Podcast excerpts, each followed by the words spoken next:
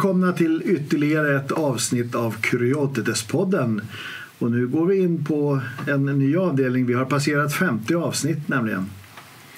Och idag har vi för ovanlighetens skull en gäst och det är Agnes Nobel som ska få presentera sig. Och jag heter Erland Kornfeld. Och vi börjar med några formalia som vi brukar. Det vill säga det Agnes och jag kommer att säga, det står vi själva för. Om man har synpunkter och det får man väldigt gärna ha genom antingen att trycka på en gilla-knapp eller skicka mejl på kuriotetespodden gmail.com. Eller så kan man kommunicera på de andra kanaler vi finns, Facebook och Instagram. Och eh, dessutom har vi infört någonting så förnämligt som möjligheten att även stödja oss ekonomiskt nu för tiden. Och det gör man med väldigt små men många bidrag på Swish. Som ni ser på rutan så har ni både ett nummer och eh, en QR-kod som ni kan klicka in. Och där kan jag lägga mig i då för er som bara lyssnar. Swishnumret är 123 586 1257. 123 586 1257. Och eh, vän av ordning kanske undrar vad vi ska göra med pengarna. Och det är ju så att den här tekniken behöver förbättras. Och det försöker vi hela tiden. Och det är ju kanske viktigt att veta att det här är helt privatfinansierat. Så därav våran önskemål om stöd. Ja, då har vi kommit så långt så att vi kan börja med dagens avsnitt som ska handla om konst, vetenskap och religion. Och då har jag till min hjälp eh, Agnes Nobel som gärna får berätta lite grann vem du är.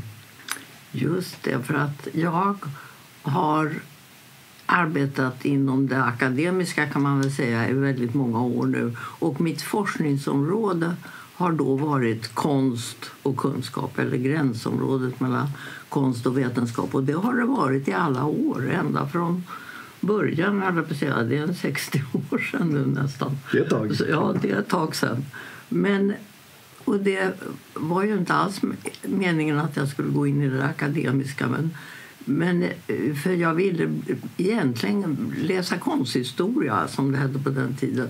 Men då, jag kunde inte alls skriva då. så att eh, och då fanns det inte så mycket konstpedagogtjänster. Eller det fanns inte alls då på den tiden.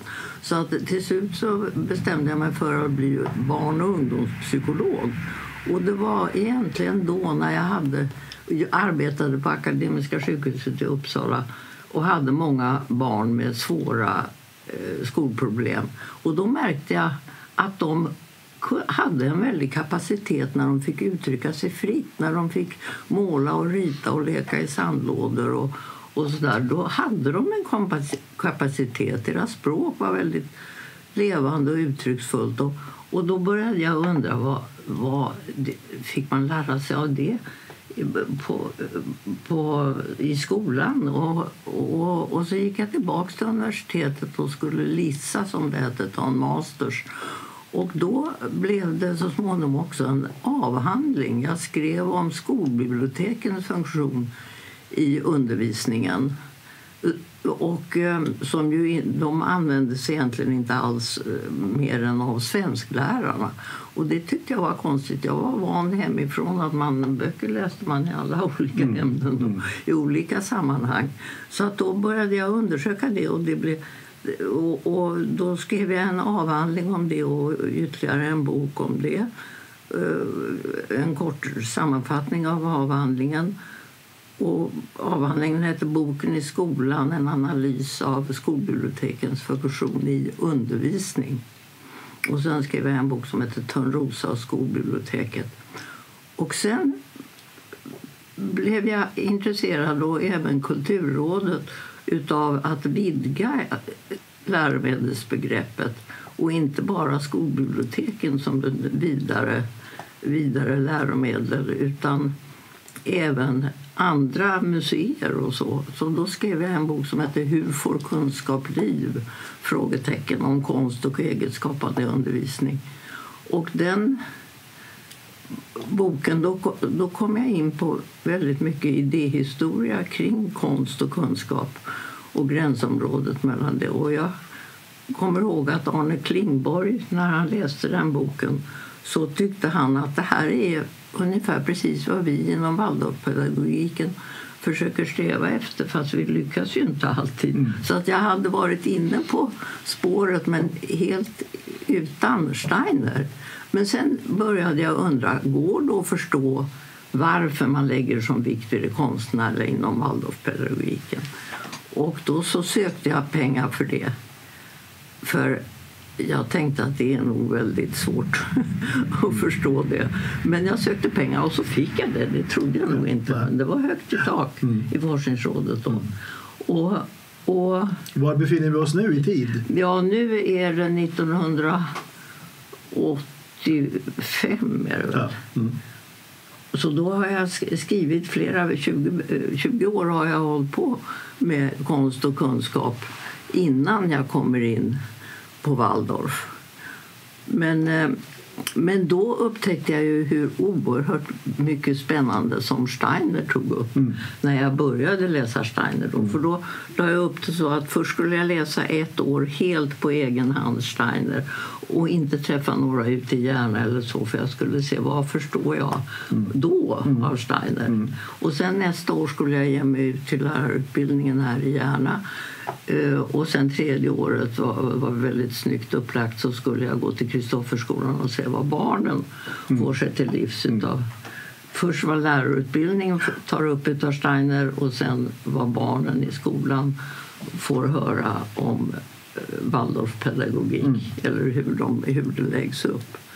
Så, att, så var meningen. Men när jag började läsa om bakgrunden av Steiner så var det ju mycket mer än vad jag hade kunnat föreställa mig och också mycket mer intressant än vad jag kunde tro. Och jag tänkte det här angår ju en akademisk vid krets. De diskussioner som fördes om vetenskapsteori började föras då, för innan dess pratade man inte om vetenskapsteori särskilt mycket. Men det, det som Goethe och Schiller tog upp och Steiner förde vidare det var ju toppintressant tyckte jag. Mm. Så att då bestämde jag mig för att jag skulle försöka skriva en bok i första hand kanske för akademiskt skolade för att, inte för antroposoferna mm. naturligtvis. Mm. För att jag, det var ju så oändligt stort också. Jag insåg att det här, jag kan bara börja en liten ände. Och eh, jag, ingen människa kan ju täcka allt. För Steiners eh, Eh, verk är ju så oerhört stort och även så brett. Så det går inte. Men då, men då skrev jag det. Och det var framför allt Goethe som jag, och Schiller som jag, jag la stor vikt vid. Så att den sista delen i min projektuppläggning med Kristofferskolan det hann jag inte så mycket med därför att jag ville ägna mycket tid. Och då blev det boken Filosofens knapp om konst och kunskap och Waldorfpedagogikens okända bakgrund. Och den kom väl 91 tror jag va? Fick du något gehör i den akademiska världen för det här med Steiner och Waldorfpedagogik? Ja, alltså jag kunde ju inte prata med någon. Det var ju svårt för det gick inte. För att eh, Steiner, jag fick inte lära mig någonting om Steiner i filkanden. Men sen senare så kom jag ju in på det. Men men det märkliga var när boken sen kom så var det särskilt Goethe och Schiller som det var fler, många i den akademin, mm. många fler än vad jag hade trott. Ja. För att, eh, ändå, för att jag tänkte att det är ju så kontroversiellt. Och, och, så där. Men, men, och sen var det, den som skrev förordet var en professor i vetenskapsteori och han var väldigt intresserad. Mm. Så, att, eh, så att det, det blev absolut en en mer positiv upplevelse och att överhuvudtaget ett vanligt förlag som Karls, Tryggve Karlssons förlag gav ut den tyckte jag också var roligt. Det hade jag ingen aning om. Ingen hade läst mitt manus innan så jag visste ingenting hur det skulle gå egentligen. Men, men eh, det, det jag kommer ihåg jag hamnade på, flyg, på en eh, flygresa så hamnade jag bredvid Gunnar Adler, Adler Karlsson som ju skrev en hel del om skolor också. Och, och då hade ingen läst mitt manus, då var den inte tryckt mm. ännu. Mm. Och så berättade jag för honom att jag höll på med det här. Mm. Och då sa han, ja men det där låter ju spännande, det skulle jag vilja läsa. Och då tänkte jag, ja men han är tillräckligt öppen och lite smågalen och frimodig. Ja. Så då, då var han den första som läste det. Och han tyckte det var väldigt roligt. Så att då, då vågade jag gå vidare. Men det, det är ju det är ju känsligt, men mest har det varit positivt ändå. Ja, tycker jag. ja, ja. Men de flesta tycker att jag, att jag har gått på det och sådär. Eller, eller en hel del tycker det. Och att jag har för långa citat och, och så. Men det, men det behövs för att... Ja, det håller jag på att Alltså, ett tema som jag gärna kan fråga dig om. Idag är det ju många eh, som är rädda för att ta upp eh, antroposofi yrkesmässigt därför att man är rädd för att bli utstött eller eh, det för, förstör karriärmöjligheterna. Har du upplevt några sådana tendenser? Ja, absolut. Det, det upplever man hela tiden kan jag säga. Och, och jag förstår dem därför att de, det är så jobbigt att argumentera och det folk man kan ju inte kunna något om Steiner om man inte har... Jag har hållit på i, i, i 40 år nu och jag kan ju bara delar ändå. Men det går inte att argumentera eller vara en lärare och hålla näsan över vattnet och samtidigt argumentera för, för alla de här. Det är för svårt. Och, och det är ett stort problem. Och, och det gör också att väldigt många akademiskt skolade också är inspirerade av Steiner men de vågar inte referera till honom därför att då måste man svara och argumentera och täcka allting. Som akademiker ska man ju kunna sitt eh, forskningsområde och det kan man inte kunna i, alla delar på, eller långt. Så det, är ett väldigt stort problem det där. En annan fråga är, kan man säga någonting om vad huvudinvändningen mot Steiner är ifrån ett akademiskt perspektiv? Ja, alltså...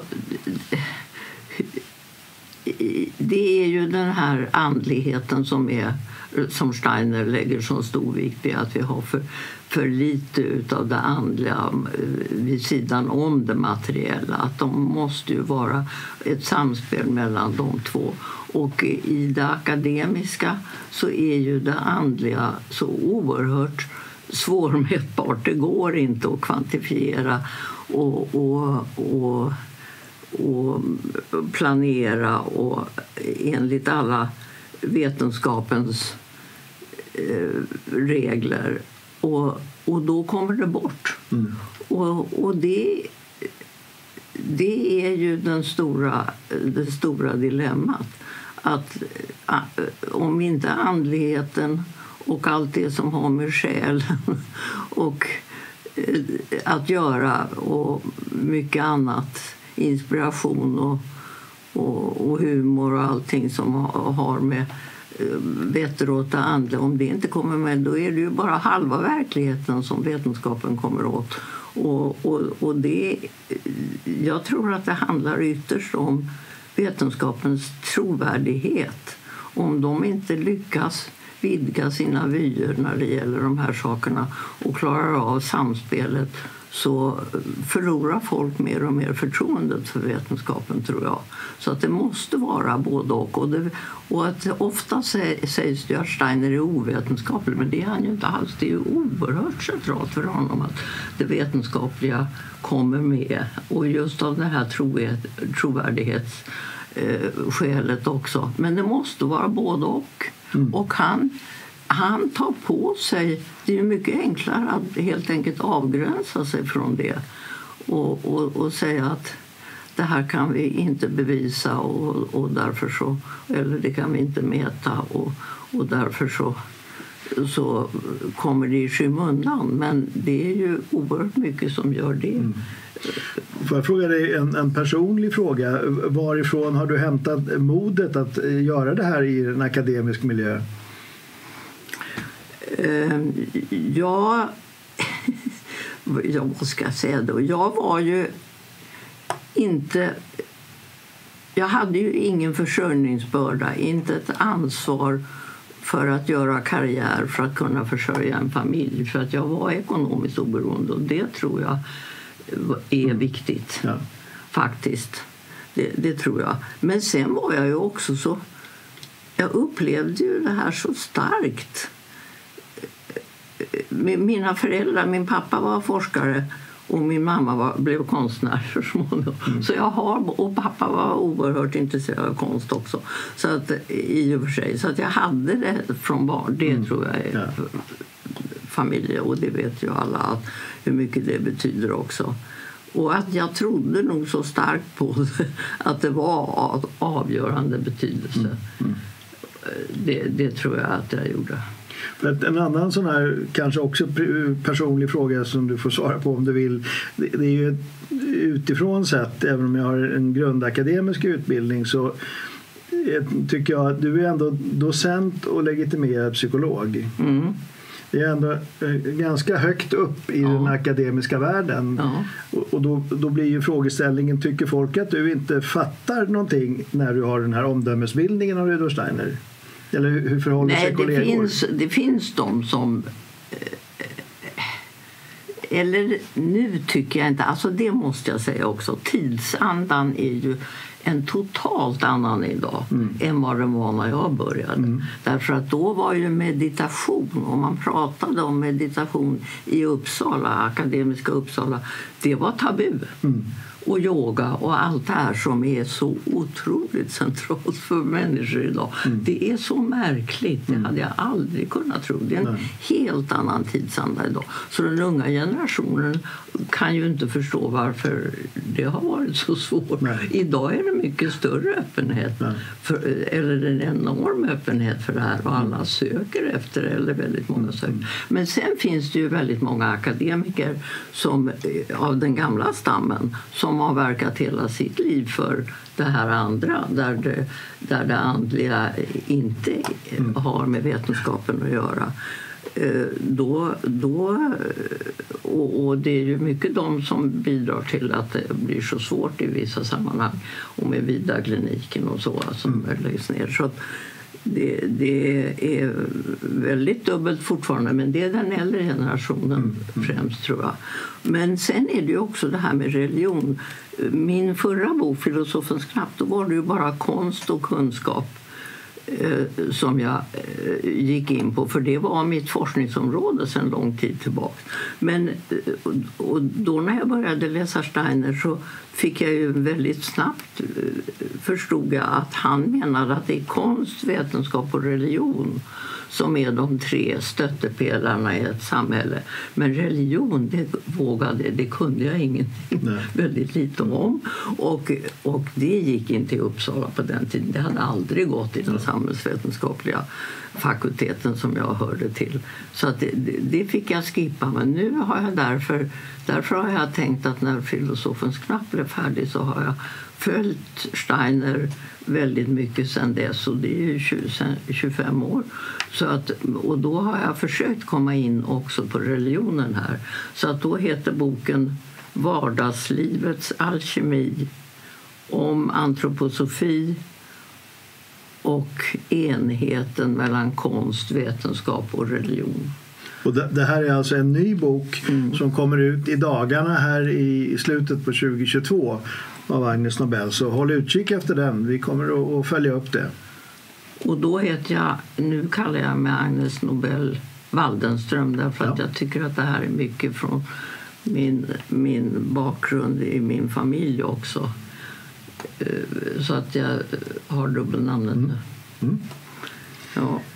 Jag tittade i det här eh, manuskriptet till boken som är på tryckeriet just nu och jag tyckte det var oerhört eh, fascinerande både tyckte jag att det språkligt sett var en väldigt läsvärd bok men även du tar ju upp en del eh, som jag kanske skulle kalla för känsliga teman. Eh, och det har ju att göra med religionsbegreppet så vi kanske måste borra lite grann i hur man ska förstå det. Ja, det är känsliga teman många. Ja, där, när det gäller religionsbegreppet då alla har ju sitt perspektiv och mina böcker är i hög grad mitt perspektiv mm. Mm. Och det säger ju flera. Walter Liebendörfer till exempel sa till mig när jag hade skrivit Filosofens knapp att det här är en ett kvinnligt perspektiv. Och det är ditt perspektiv och det ska det vara. Men det där att det var ett kvinnligt perspektiv mm. det förstod jag inte vad han menade. måste jag säga. Men, men det har jag tänkt på sen att jag tror kanske att eller det brukar i undersökningar visa sig att kvinnor är, har, med, har lättare för breda överblickar och, att, och de kritiseras ofta för att de associerar hit och dit. Håll dig till saken. Och vetenskapen ska ju avgränsa. Som, om du ska doktorera så ska du lära dig att avgränsa ditt forskningsområde. Men här handlar det ju om att avgränsa och att se helheten. Och tvärvetenskapen kämpade man oerhört med när jag, när jag mm. skulle bli doktor. Och, men det, det, gick nästan inte att få igenom i Uppsala. Men idag pratar ju alla om att vi måste ha ett större helhetsgrepp. Och, och det är, då är det ju konst, vetenskap och religion. Det är ju en att göra en enhet av det är ju en omöjlighet idag, anser de flesta. Mm. Och är man djupt religiös för någon skola så, så tycker man att det är naivt att tro att man kan, att man kan göra en enhet av det där. Men jag tycker att det är oerhört spännande att laborera med för det där är ju konstruktioner av oss människor så naivt ser jag det på att konsten är en sak och vetenskapen är en sak. Och, och religionen är en tredje sak. Och så argumenterar vi för hur de skiljer sig åt istället för att mycket mer argumentera för hur de går i varandra. Och då är det ju teosofin som, som Steiner i början var så känd eh, för att han var chef för det teosofiska i Tyskland och som så många konstnärer blev intresserade av också. Där, teosofin och Madame Blavatsky det går ju ut på det här att de stora religionerna de, eh, de har ju samma grundfrågor som är de viktigaste mm. för dem. Och Det tycker jag är det som är intressant att fundera kring hur det där kan funka och inte funka. För det är något du lyfter fram eh, väldigt mycket i boken. Eh, mm. Alltså olika ju väldigt kända konstnärers intresse för, för mm. antroposofi. Ja, ja, visst. Och det dyker ju upp hela tiden. Nu senast åren är det ju fullkomligt märkligt med Hilma af Klint som de har upptäckt och, och, som alla är så förundrade över. Hur kommer det sig att hon blir så oerhört eh, uppmärksammad och vad beror det på? Och, och, och så visar det sig till råga på allt att hon är är Steiner-influerad, vilket många har förnekat länge. Men nu inser alla att, att hon, och jag har ju sett vilken litteratur hon hade. Hon hade allting av Steiner, verkar det som mm. nästan. Och, och att det är, och, och, så därför har jag ett avsnitt om henne. Och det var ju likadant med med Joseph Beuys som är en annan av de mest framträdande konstnärerna överhuvudtaget. Mm. Eh, och, och, som också man förnekade länge att han skulle vara inspirerad av Steiner. Men jag, jag menar att när man titta på eh, Boys, ju mer man tittar på Boys och hans utställningar eller utställningskataloger ju mer förstod jag av Steiner och vice versa. Och nu eh, vet ju alla att han är mycket... Mm. Och så därför är det ju så viktigt att man forskar kring Steiner eftersom det dyker upp massa forskare nu kring Hilma och Klint men de, de flesta kan ju ingenting om Steiner. Nej. Och därför så tycker jag att det är extra viktigt också. Det har bidragit till att jag har varit så envis med att mm. fortsätta med det här. Och du nämner ju det är ganska många andra som du hittar anknytningar till. Ja, den som ju är intressant var det upptäcker man ideligen nya. Och senast så var det, det hade kommit ut en bok om Rachel Carsons brevväxling. Rachel Carson var hon med Tyst vår och som var den första väl, som skrev på ett begripligt sätt om klimatfrågorna. Och då skriver hon i brevväxlingen framkommer det att hon kunde inte referera till Steiner i Tyst vår i sin bok därför det hade fördärvat saken. Mm. Och så är det. Mm.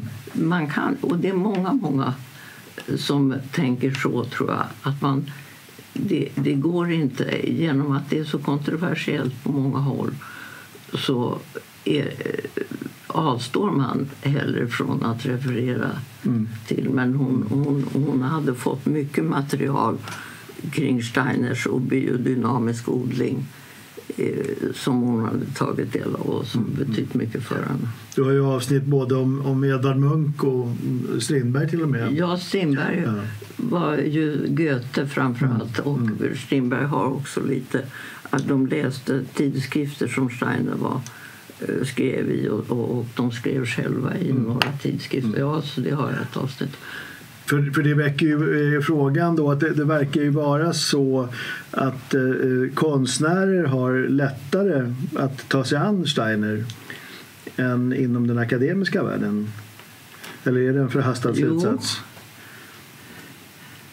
Jo, det är nog så, men det är väldigt många eh, i akademiska världen och forskare är ju väldigt konstnärligt intresserade mm, också. Mm, mm. Men det krävs att man är konstnärligt engagerad, det är det. Och det är det som Schiller går ut på och det är det som Steiner har fångat vidare i Waldorfpedagogiken att det konstnärliga ska finnas med som en integrerad del av all undervisning. Mm. Så alla människor har något konstnärliga anlag inombords. Men det får inte komma till uttryck i undervisningen. Och, och, men det måste följa med undervisningen för därför annars så blir den torr och tråkig och stel och, och förkalkad. Mm. och, och, och, det är ju själva Schillers brev om människans estetiska fostran som handlar om det att alla människor har konstnärliga anlag och det har även det, och det är den estetiska fostran som är så viktig att man får öva upp den. Och det här har ju även hjärnfysiologin kommit fram till nu. Nu pratar ju alla om konst, och, eller väldigt många om konst och vetenskap. Och hjärnfysiologerna, eh, Roger Sperry var det väl från början som som kom fram till det här att vi har alla anlag som vetter åt det konstnärliga i hjärnan. Men som våra skolsystem är utformade så får vi inte öva upp det. Och det måste ständigt övas, det kreativa, eh, för att inte ligga i träda. Mm. en annan fråga som jag gärna tar in här som du har med i boken det är ju den här avgränsningen i vetenskapssynen kanske framförallt i Sverige eh, kring ja. naturvetenskap som den enda vetenskapen och eh, humaniora är inte riktig vetenskap. Ja, det är väl det, det, är olika i olika länder det där i alla fall. I vissa länder så kallar bara, kallas bara naturvetenskapen för vetenskap men i, i Sverige så har vi en bredare och, och om... Men eh, det, humaniora i Sverige har ju också varit... De tar ju upp saker som anknyter till det, till det eh, andliga i allra högsta grad. Det gör de ju. Men, men eh, de har ju väldigt svårt att, att eh, betona att, att statusen för, för de delarna av vetenskapen borde vara lika, eh, lika hög som den naturvetenskapliga. Att det är den naturvetenskapliga som har högst status i det svenska sättet att tänka. Och när vi pratar om att Eh, idag så är politikerna väldigt noga om med att allting ska vara, ske på vetenskaplig grund. Och det tror jag är en risk med Därför att det är väldigt få som verkligen kan omfatta vad är en vetenskaplig grund inom pedagogiken. Mm. Och då blir lärarna osäkra och lärarutbildarna osäkra och så blir det väldigt stelt och tråkigt mm. Mm. lätt. Ja. Det är en risk med det där, mm. den vetenskapliga grunden. Att där måste man få öva upp sig i att tänka i, i gränsöverskridande sammanhang, hur tekniken och människan hänger ihop. Det, det är ju ett av våra största dilemman. Och för sådana, det kom ju, jag tror till och med du har ett citat ifrån Tegmark som är, är en av de främsta artificiella intelligensforskarna idag. Ja. Att, att just den artificiella intelligensen i sig Mm. ju inte har någon inneboende så att säga, eh, bestämmande karaktär utan det är ju hur vi hanterar Hur det. vi hanterar det är ju det och det gäller ju klimatet och gäller det mesta. Och det var ju det som jag måste få med mig Goethe. Att Goethe kritiseras ju för att han inte fattade Newton ungefär kan man eh, tillspetsat, mycket tillspetsat säga. Men han fattade Newton tror jag, men där det som, or, det som oroade honom med, med Newton det var att han utelämnar människan som ser färgerna. Det är människans upplevelse. Och det var det som oroade Goethe. Och det är ju själva grunden i det här överhuvudtaget. Att det är människans roll som vi, och, mä, och människokunskapen som är det centrala. Eller väldigt centralt. För, för när jag tittar på, om man bara gör det så enkelt som dina boktitlar så, så, eh, så där, ur mitt eh, kanske lite snäva antroposofiska perspektiv så, så förefaller det vara en slags skolningsväg. Alltså man säger man går från vetenskap till konst till religion Jo. vilket jag ju skulle definiera som en slags medvetandeutvidgning. Ja, Vad säger du om en sån idé? Jo, men, jo, det är det ju. Men alltså religionen, många med, det, det har ju... Vad, vad, är religion och vad är andlighet och vad är själ? Mm. Det vill jag gärna att du ska svara på. Ja, nej, just det. det. Men slå upp det. I, jag googlar på det, för det är roligt. Det säger så mycket och jag brukar ta upp ibland från uppslagsböcker hur, hur brett och vitt det kan vara. Och det är ju konstruktioner av människor vad, vad som ska läggas in i de där begreppen. Ja, jag stötte på ett intressant definition eh, för inte så länge sedan som gick ut på, eller som definitionen lät så här. Andlighet är medvetandet och dess innehåll. Eller män, människans medvetande Ja. och dess innehåll. Ja. Och det är ju lite då, Jo. stämmer ju Ja, med jo. det du säger. Jo, jo det, kan, det det kan man säga. Men det är människan som är så central. Och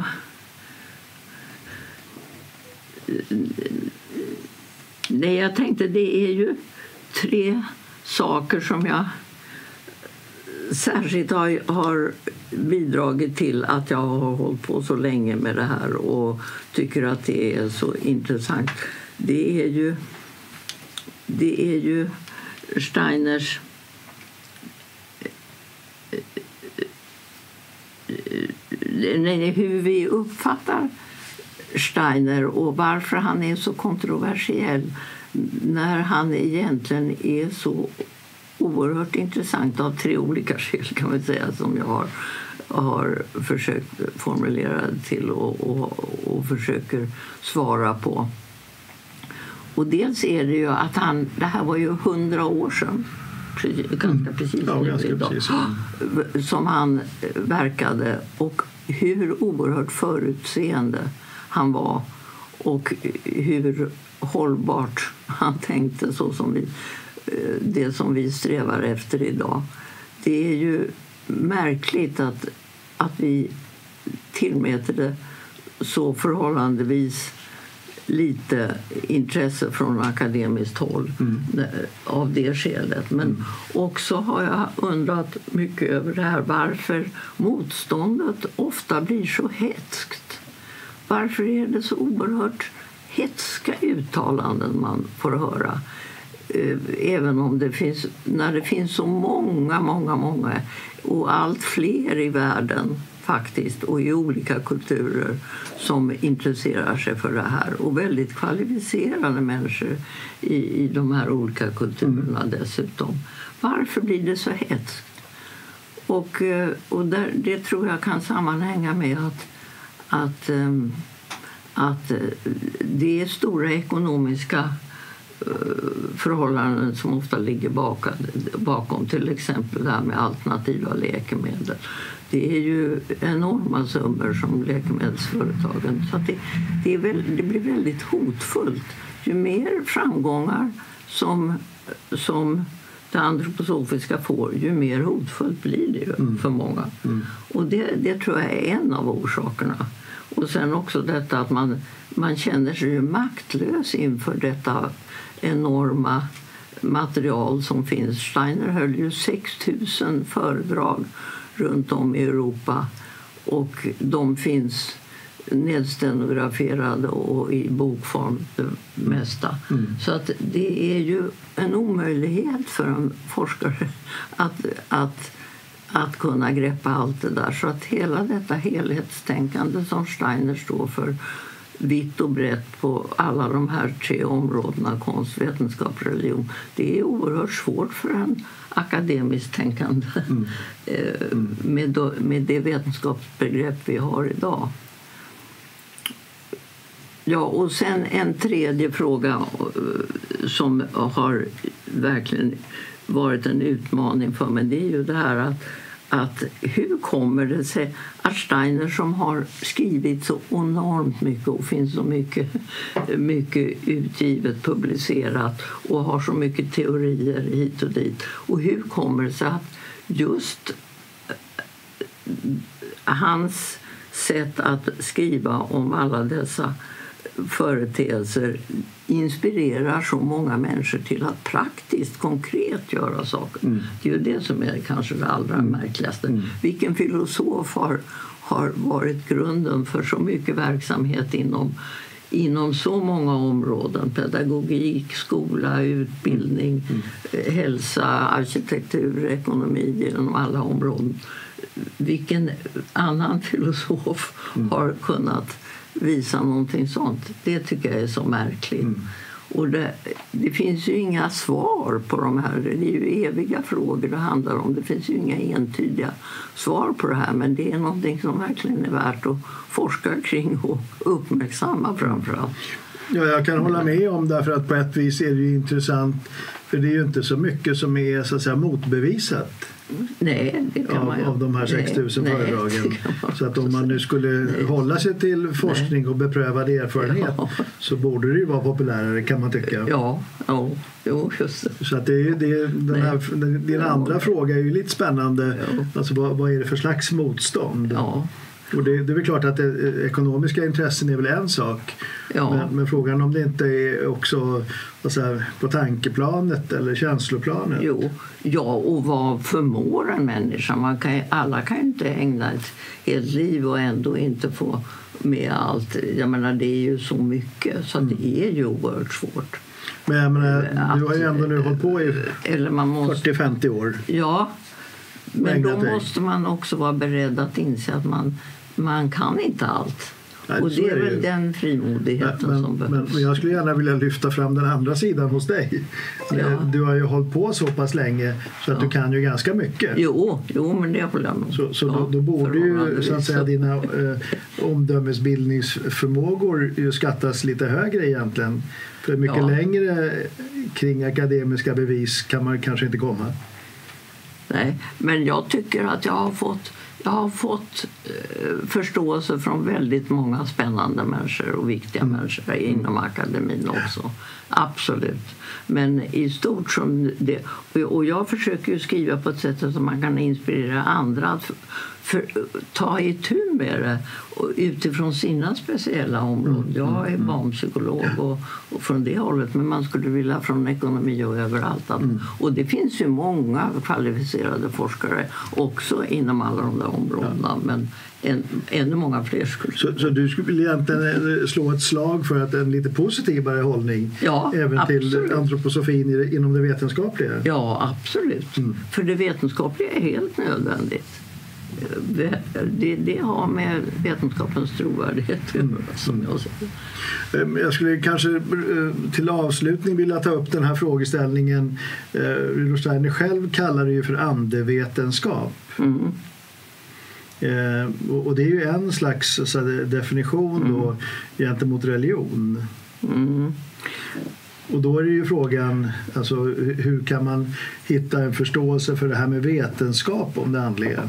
Jo, men det där är ju såna där subtila språkhistorier och kulturella skillnader. Alltså andevetenskap, det, det är ju den direkta översättningen på svenska och den som användes i, i översatt Steiner-litteratur som jag läste från början. Men då så sa jag det till en god vän till mig, en väldigt nära vän som och hon var själv eh, professor i, i teoretisk fysik, Nanny Fröman i Uppsala.